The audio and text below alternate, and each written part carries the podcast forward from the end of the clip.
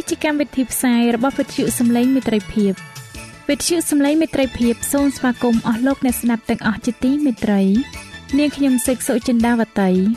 ហើយខ្ញុំបាទអង្គច័ន្ទវិជ្ជៈក៏សូមស្វាគមន៍លោកអ្នកស្ដាប់ទាំងអស់ផងដែរនៅពេលនេះយើងខ្ញុំមានសេចក្តីសុំមនស្សរីករាយដោយបានវិលមកជួបអស់លោកអ្នកនាងកញ្ញាអ្នកស្ដាប់សាជាថ្មីម្ដងទៀត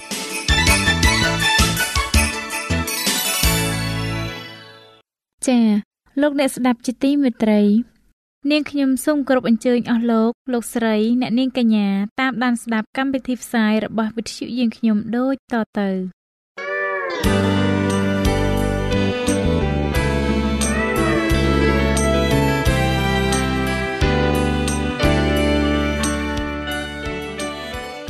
ព្រះបន្ទូលសម្រាប់អ្នកនៅថ្ងៃនេះព្រះគម្ពីរយ៉ាកបជំពូក1ខ5បានចែងថា តែបើអ្នករាល់គ្នាណាមួយខ្វះប្រាជ្ញា មានតែសូមដល់ព្រះដែលទ្រង់ប្រទានដល់មនុស្សទាំងអស់ដោយសទ្ធាឥតបន្ទោសផងនោះទ្រង់នឹងប្រទានអាន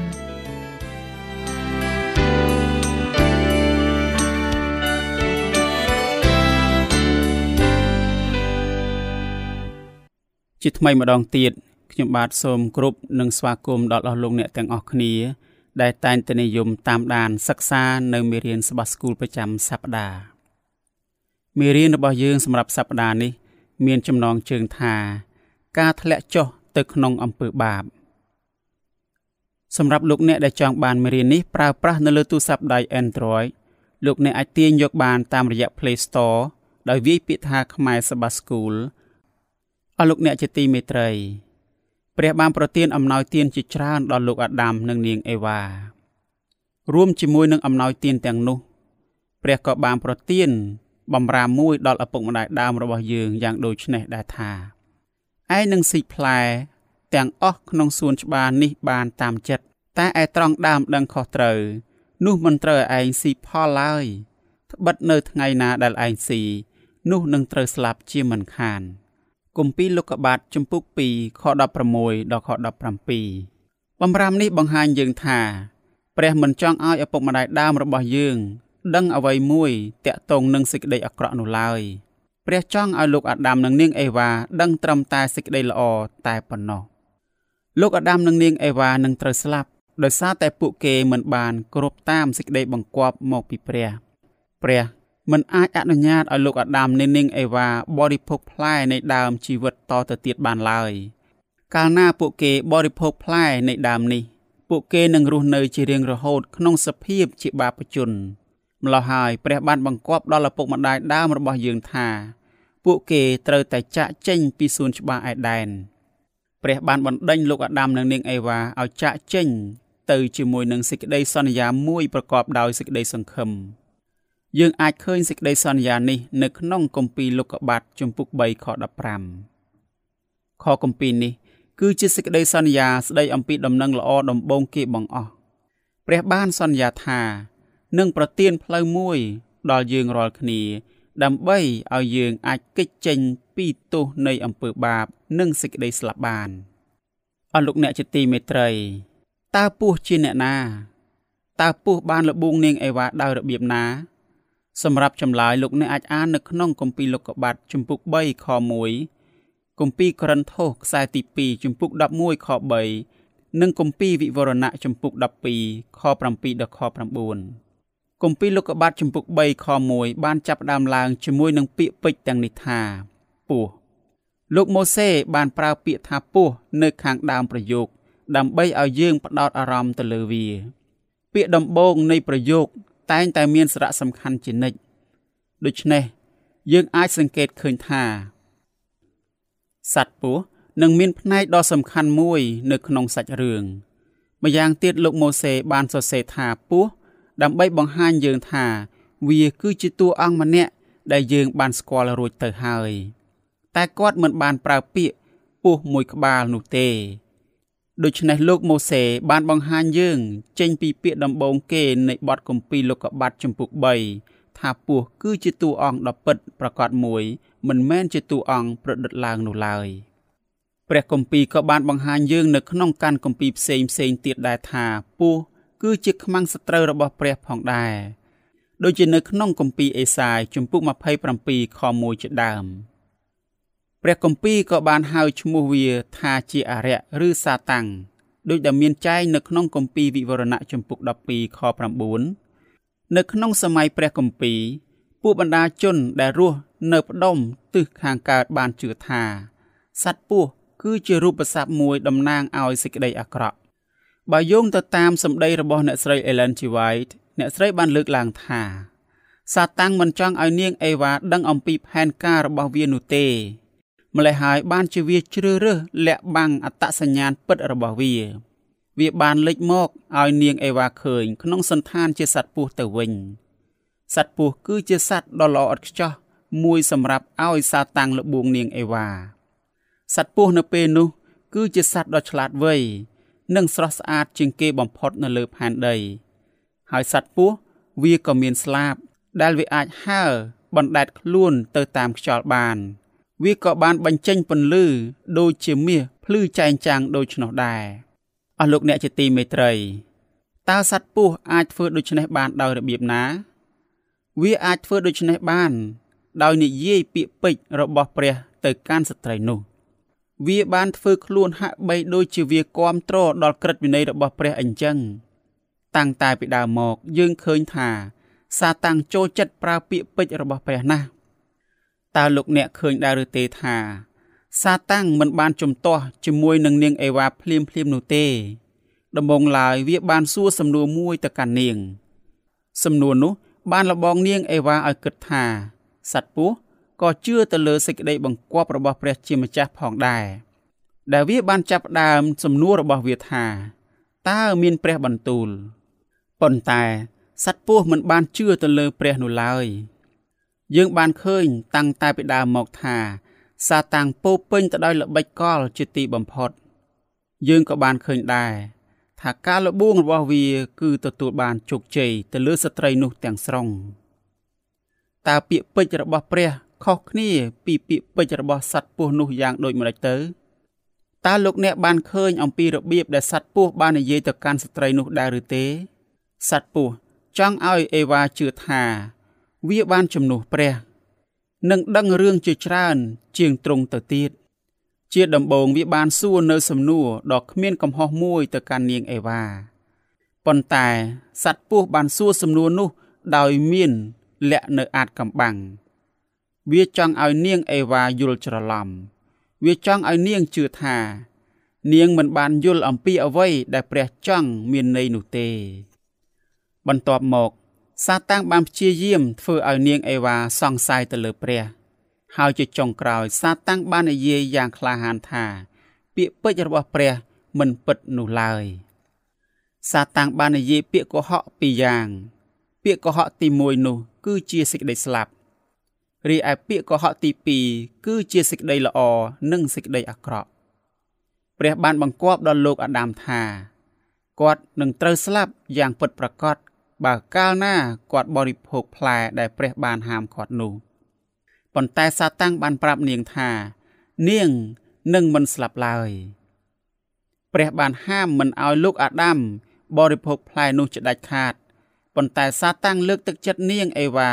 ឲ្យបរិភោគ ផ្លែនោះទៅវិញ ពីព្រោះវាបាននិយាយថាផ្លែនោះនឹងធ្វើឲ្យនាងបានដូចជាព្រះ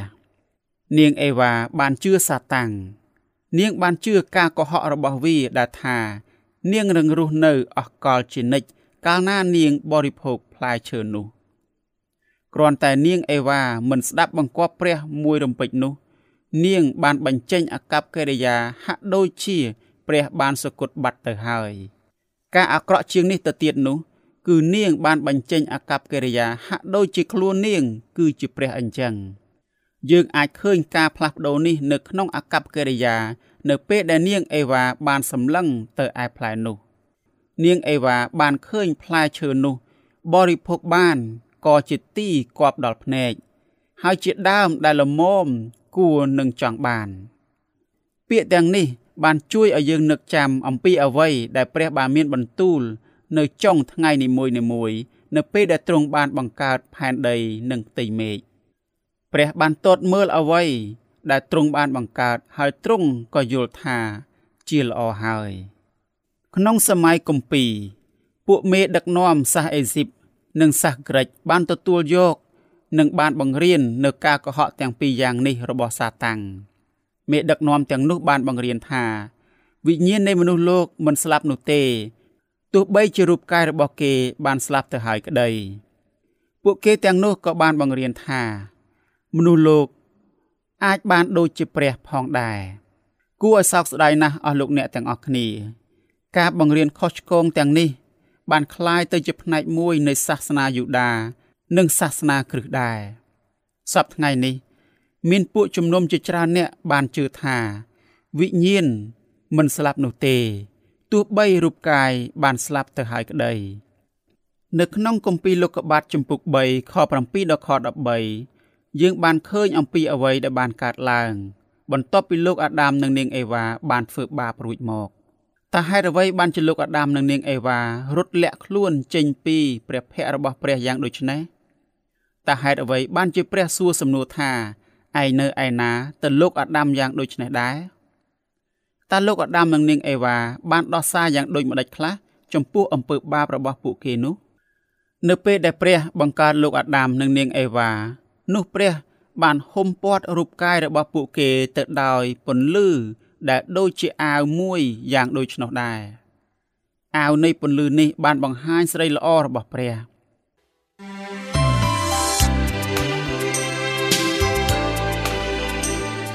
សេចក្តីជំនឿកើតឡើងដោយលឺហើយដែលលឺនោះគឺដោយសារព្រះបន្ទូលនៃព្រះ តាមរយៈវិទ្យុសំឡេងមិត្តភាព AWR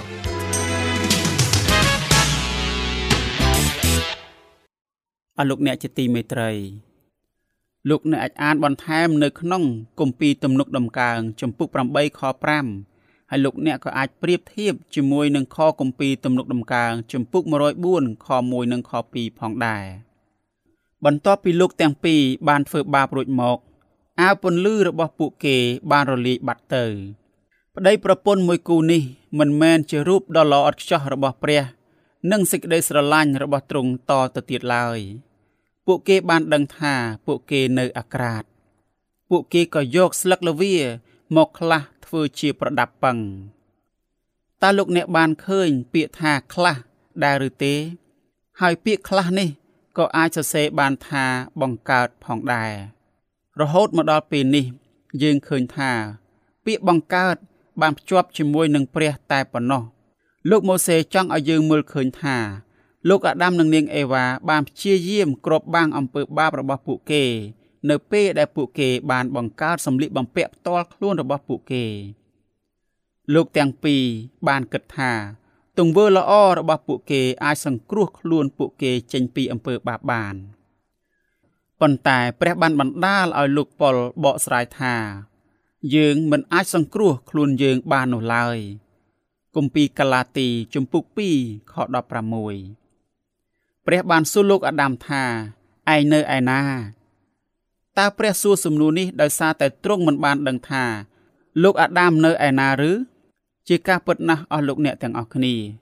ព្រះបានសួរសំណួរនេះដើម្បីជួយឲ្យលោកអាដាមនិងនាងអេវ៉ាបានយល់អំពីកំហុសរបស់ពួកគេ ព្រះចង់ឲ្យពួកគេបែរចេញពីអំពើបាប ព្រះបានធ្វើកិច្ចការដើម្បីសង្គ្រោះមនុស្សលោក នៅពេលដែលពួកគេបានធ្វើបាបភ្លាមភ្លាម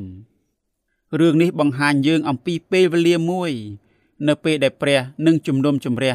រាជរបស់ទ្រង់នៅសម័យចុងក្រោយ ដំបូងឡើយ ព្រះបានសួរសំណួរ បន្ទាប់មកព្រះបានប្រកាសអំពីការដាក់ទោសដើម្បីឲ្យលោកអាដាមនិងនាងអេវ៉ាបែរត្រឡប់មកឯទ្រង់វិញ ពេលនោះ ព្រះនឹងអាចសង្គ្រោះពួកគេបាន យើងអាចឃើញគោលគំនិតនេះនៅក្នុងព្រះគម្ពីរទាំងមូល ជាដំបូងលោកអាដាមនិងនាងអេវ៉ាបានធ្វើអ្វីដែលពួកបាបជនបានធ្វើ នៅពេលដែលពួកគេមានកំហុស ពួកគេបានបន្ទោសអ្នកដទៃចំពោះកំហុសរបស់ពួកគេផ្ទាល់នាងអេវ៉ាបាននាំឲ្យលោកអាដាមធ្វើបាបដូច្នេះលោកអាដាមបានស្ដីបន្ទោសដល់នាងអេវ៉ាលោកអាដាមបានស្ដីបន្ទោសព្រះដោយសារតែទ្រង់បានប្រទានស្ត្រីដល់គាត់ផងដែរនាងអេវ៉ាបានស្ដីបន្ទោសដល់សត្វពស់ពស់វាលបួងបញ្ឆោតខ្ញុំម្ចាស់ពាក្យថាលបួង ប្រែមកពីពាក្យជាភាសាហេប្រឺថាណាសា ពាក្យណាសានេះបានបង្ហាញយើងថាសត្វពស់បានព្យាយាមផ្ដល់សេចក្តីសង្ឃឹមคล้ายคล้ายមួយដល់នាងអេវ៉ាសត្វពស់ចង់ឲ្យនាងអេវ៉ាជឿថា នាងកំពុងតែធ្វើអ្វីដែលត្រឹមត្រូវតើលោកអ្នកបានស្ដីបន្ទោសដល់អ្នកដទៃចំពោះកំហុសដែលលោកអ្នកបានប្រព្រឹត្តដែរឬទេសត្វពស់ បានចាប់ផ្ដើមបង្កភាពរញ៉េរញ៉ៃទាំងមូលនៅក្នុងសួនច្បារអេដែនម្លេះហើយព្រះបានចាប់ផ្ដើមកិច្ចការរបស់ទ្រង់ជាមួយនឹងសត្វពស់មុនគេតើលោកអ្នកបានឃើញដែរឬទេថាសត្វពស់គឺជាតួអង្គមួយគត់នៅក្នុងរឿងដែលបានដាក់បណ្ដាសាគម្ពីរលោកុបាទជំពូក3ខ15បានបង្ហាញយើងអំពីភាពបញ្ច្រាស់អំពីអ្វីដែលបានកើតឡើងនៅពេលដែលព្រះបានបង្កើតផ្ទៃមេឃនិងផែនដី នៅពេលនោះព្រះបានបំពេញផ្ទៃមេឃនិងផែនដីជាមួយនឹងជីវិត និងរបស់ល្អល្អព្រមទាំងព្រះពររាប់មិនអស់ឥឡូវនេះ ព្រះបានជំនុំជម្រះសត្វពស់ការប្រកាសទាស់នឹងសត្វពស់បាននាំទៅរកសេចក្តីស្លាប់សេចក្តីអាក្រក់និងបណ្ដាសាវិញយើងបានឃើញរួចមកហើយថាព្រះក៏រាប់បញ្ចូលសេចក្តីសន្យាមួយសម្រាប់យើងនៅក្នុងបណ្ដាសារបស់ទ្រង់ទាស់នឹងសត្វពស់ផងដែរ បណ្ដាសា គឺជាសារដ៏ពិសេសស្ដីអំពីអនាគត គឺថាព្រះនឹងសង្គ្រោះមនុស្សលោកតើលោកអ្នកឃើញថាព្រះបានប្រទានសេចក្តីសង្ឃឹមនេះដល់លោកអាដាមនិងនាងអេវ៉ាមុនពេលដែលទ្រង់ជំនុំជម្រះពួកគេដែរឬទេមែនហើយ លោកទាំងពីរបានធ្វើបាបមែនហើយ ពួកគេនឹងត្រូវឈឺចាប់ដោយសារតែពួកគេបានធ្វើបាប មែនហើយពួកគេនឹងត្រូវស្លាប់ផងដែរប៉ុន្តែព្រះបានប្រទានសេចក្តីសង្ឃឹមមួយដល់ពួកគេដែលថាទ្រង់នឹងសង្គ្រោះពួកគេនៅគ្រាចុងក្រោយតើលោកអ្នកបានឃើញអំពីរបៀបដែលខគម្ពីរលោកុបាទជំពូក3ខ15និងគម្ពីរវិវរណៈជំពូក12ខ17បានបង្ហាញយើងអំពីរូបស័ព្ទនិងគោលគំនិតដូចគ្នាដែរឬទេ បន្តទៅទៀតនេះ ចូលយើងក្រឡេកមើលអំពីរបៀបដែលផ្នែកនីមួយៗនៅក្នុងខគម្ពីរទាំងនេះ មានភាពត្រូវគ្នាយ៉ាងល្អឥតខ្ចោះគម្ពីរលោកុបាទជំពូក3ខ15នៅក្នុងនោះបានបរិយាយអំពីសត្វពស់ដែលតំណាងឲ្យសាតាំងរីឯគម្ពីរវិវរណៈជំពូក12ខ17វិញ បាននិយាយអំពីសត្វនាគ គម្ពីរលោកុបាទជំពូក3ខ15និយាយថាខ្មាំងរីឯគម្ពីរវិវរណៈជំពូក12ខ17ប្រើពាក្យថាខឹងនៅក្នុងគម្ពីរលោកុបាទជំពូក3ខ15ប្រើពាក្យថាស្ត្រី នៅក្នុងសួនច្បារឯដែនរីឯគម្ពីរវិវរណៈជំពូក12ខ17ក៏ប្រើពាក្យស្ត្រី នៅក្នុងទីរហោស្ថានគម្ពីរលោកុបាទជំពូក3ខ15ប្រើពាក្យថាពូជនាង រីឯគម្ពីរវិវរណៈជំពូក12ខ17ក៏ប្រើពាក្យពូជនាងដែរនៅក្នុងគម្ពីរលោកុបាទជំពូក3ខ15ប្រើពាក្យថាកិននិងចឹករីឯនៅក្នុងគម្ពីរវិវរណៈជំពូក12ខ17ប្រើពាក្យថាច្បាំងសម្រាប់បទគម្ពីរទាំងពីរនេះ យើងឃើញថាពាក្យពេចន៍គឺសុទ្ធសឹងតែដូចគ្នាបេះបិទដែលសំដៅទៅលើរូបស័ព្ទតែមួយដូចគ្នា សង្គ្រាមរវាងសត្វពស់និងស្ត្រីនឹងបន្តរហូតដល់គ្រាចុងក្រោយបំផុត ព្រះបានសន្យាថាសាតាំងនឹងចាញ់សង្គ្រាមនេះត្បិតព្រះយេស៊ូវនឹងកិនក្បាលពស់ដោយដែលមានចែងនៅក្នុងគម្ពីរវិវរណៈជំពូក20ខ10ព្រះបានប្រទានសេចក្តីសង្ឃឹមមួយដល់យើងនៅក្នុងសួនច្បារឯដែនគឺជាកន្លែងដែលអំពើបាប និងសេចក្តីសន្យាបានចាប់ផ្ដើមឡើងនៅលើផែនដីនេះ តើហេតុអ្វីបានជាសេចក្តីពិតនៃព្រះគម្ពីរនេះអាចជួយកំសាន្តចិត្តរបស់យើងបានអស់លោកអ្នកជាទីមេត្រីព្រះបានដាក់ទណ្ឌកម្មមួយដល់សត្វពស់ដែលដូចគ្នាទៅនឹងបណ្ដាសាមួយយ៉ាងដូចនោះដែរប៉ុន្តែព្រះបានដាក់ទណ្ឌកម្មខុសគ្នាមួយដល់បរោះនិងស្ត្រីទណ្ឌកម្មរបស់ពួកគេមិនមែនជាបណ្ដាសានោះទេ ព្រះបានមានបន្ទូលតាមរយៈលោកម៉ូសេថាបណ្ដាសាតែម្ដងទៀតប៉ុណ្ណោះ នៅក្នុងកាន់គម្ពីរលោកុបាទព្រះបានមានបន្ទូលតាមរយៈលោកម៉ូសេថាបណ្ដាសាតែម្ដងទៀតប៉ុណ្ណោះនៅក្នុងកាន់គម្ពីរលោកុបាទដើម្បីបង្ហាញយើងថាព្រះដាក់បណ្ដាសាដល់ដីព្រះ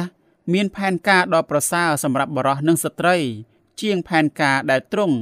មានសម្រាប់សត្វពស់ទៅទៀតព្រះបានផ្ដល់សេចក្តីសង្ឃឹមដល់លោកអាដាមនិងនាងអេវ៉ាដែលទ្រង់មិនបានផ្ដល់ដល់សត្វពស់ ស្ត្រីបានធ្វើបាបដោយសារតែមានទំនាក់ទំនងរបស់នាងជាមួយនឹងសត្វពស់ដូច្នេះព្រះដាក់ទណ្ឌកម្មដល់ស្ត្រីភ្ជាប់ទៅនឹងបណ្ដាសាដែលព្រះបានដាក់ទៅនឹងសត្វពស់នេះគឺជាមូលហេតុដែលសារដ៏ពិសេសស្ដីអំពីស្ត្រីនៅក្នុងគម្ពីរលោកុបាទចំពុក3ខ16បានបង្ហាញយើងនៅសារដ៏ពិសេសស្ដីអំពីព្រះអង្គសង្គ្រោះនៅក្នុងគម្ពីរលោកុបាទចំពុក3ខ15ទំនាក់ទំនងនេះ អាចជួយឲ្យយើងមើលឃើញថាអ្វីអ្វីគ្រប់យ៉ាង ដែលព្រះបានមានបន្ទូលអំពីស្ត្រីនោះ គឺជាផ្នែកមួយនៃផែនការនាពេលអនាគតរបស់ទ្រង់ក្នុងការសង្គ្រោះមនុស្សលោកបរោះបានធ្វើបាបដោយសារតែគាត់បានស្ដាប់បង្គាប់ស្ត្រីជាជាងស្ដាប់បង្គាប់ព្រះដូច្នេះព្រះបានដាក់ទោសបរោះតាមរយៈការដាក់បណ្ដាសាទៅលើដី ពីព្រោះទ្រង់បានបង្កើតលោកអាដាមចេញពីដីមកឥឡូវនេះ បរោះត្រូវតែប្រឹងប្រែងធ្វើការអស់មួយជីវិតរបស់គាត់ បន្ទាប់មកគាត់នឹងត្រឡប់ទៅជាដីវិញ នៅពេលដែលស្លាប់ទៅសេចក្តីស្លាប់មិនមែនជាផ្នែកមួយនៃផែនការរបស់ព្រះ សម្រាប់មនុស្សលោកនោះឡើយស្ត្រីគឺជារូបស័ព្ទតំណាងឲ្យជីវិត និងសេចក្តីអាណិតអាសូរបុត្រាមួយនឹងត្រូវបានប្រសូតមកតាមរយៈស្ត្រីម្នាក់ពីពូជអម្បូររបស់នាងអេវ៉ានាពេលអនាគតបុត្រានេះ នឹងคล้ายមកជាព្រះអង្គសង្គ្រោះនៃផែនដីទាំងមូលទ្រង់នឹងសង្គ្រោះមនុស្សលោកចេញពីបណ្ដាសានៃអំពើបាបនិងសេចក្តីស្លាប់ព្រះចង់បានតែសេចក្តីល្អសម្រាប់លោកអាដាមនិងនាងអេវ៉ាតែប៉ុណ្ណោះតែទ្រង់មិនចង់បានសេចក្តីអាក្រក់ឡើយលោកអាដាមនិងនាងអេវ៉ាគ្មានហេតុផលត្រូវសង្ស័យចំពោះសេចក្តីស្រឡាញ់របស់ព្រះ ឬព្រះបន្ទូល ដែលទ្រង់បានមានបន្ទូលដល់ពួកគេនោះឡើយប៉ុន្តែឥឡូវនេះ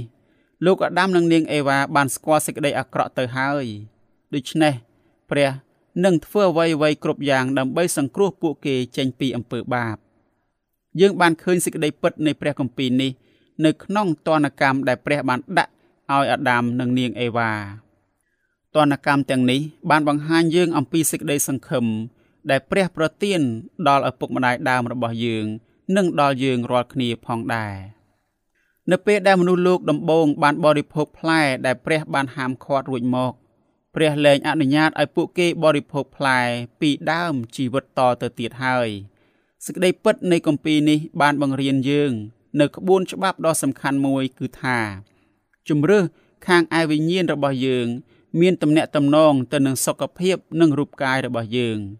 ជំរឿសទាំងនេះ អាចធ្វើឲ្យយើងរឹងមាំឬចុះខ្សោយបានជំរឿសទាំងនេះ ក៏អាចនាំឲ្យយើងទៅរកជីវិត និងរកសេចក្តីស្លាប់បាន ស្ដេចសាឡូមោនបានយល់អំពីទំនាក់ទំនងនេះយ៉ាងច្បាស់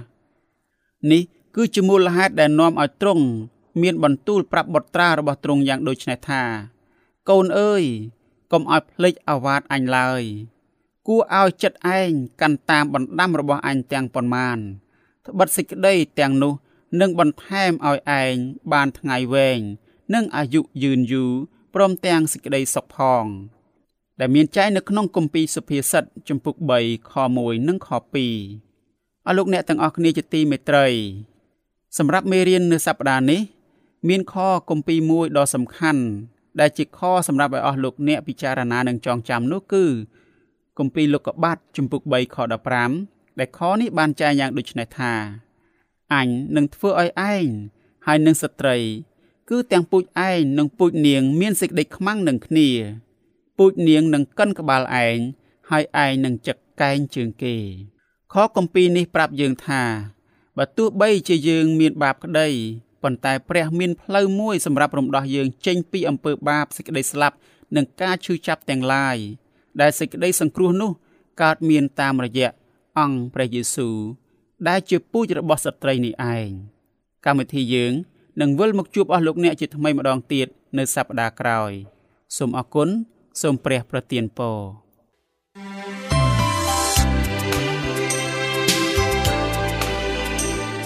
វិទ្យុសំឡេងមេត្រីភាព AWR មានផ្សាយពីរដងក្នុងមួយថ្ងៃ គឺព្រឹកនៅម៉ោង6និងពេលយប់នៅម៉ោង8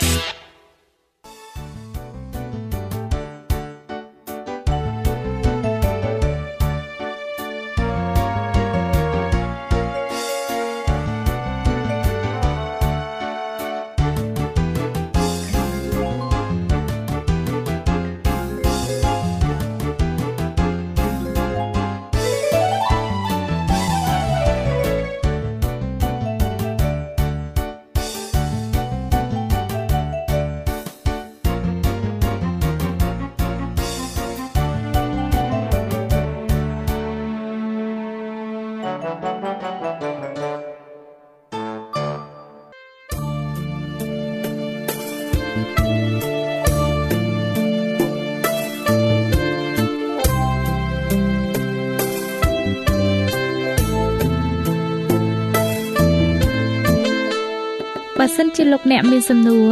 ឬសំណុំពរអ្វីសូមតាក់ទងមកការិយាល័យវិទ្យុយើងខ្ញុំ តាមអាស័យដ្ឋានផ្ទះលេខ15ផ្លូវលេខ568សង្កាត់បឹងកក់2ខណ្ឌទួលគោករាជធានីភ្នំពេញលោកអ្នកក៏អាចសរសេរសម្បត្តិផ្ញើមកយើងខ្ញុំ តាមរយៈប្រអប់សម្បត្តិលេខ488ភ្នំពេញឬតាមទូរស័ព្ទលេខ012 34 96 64ឬ097 80 81 060ឬក៏តាមរយៈអ៊ីមែល vol@awr.org យើងខ្ញុំរងចាំទទួលស្វាគមន៍អស់លោកអ្នកនាងដោយក្តីសោមនស្សរីករាយហើយលោកអ្នកក៏អាចស្ដាប់កម្មវិធីនេះឡើងវិញដោយចូលទៅកាន់ website របស់វិទ្យុយើងខ្ញុំ តាមរយៈអាស័យដ្ឋាន www.awr.org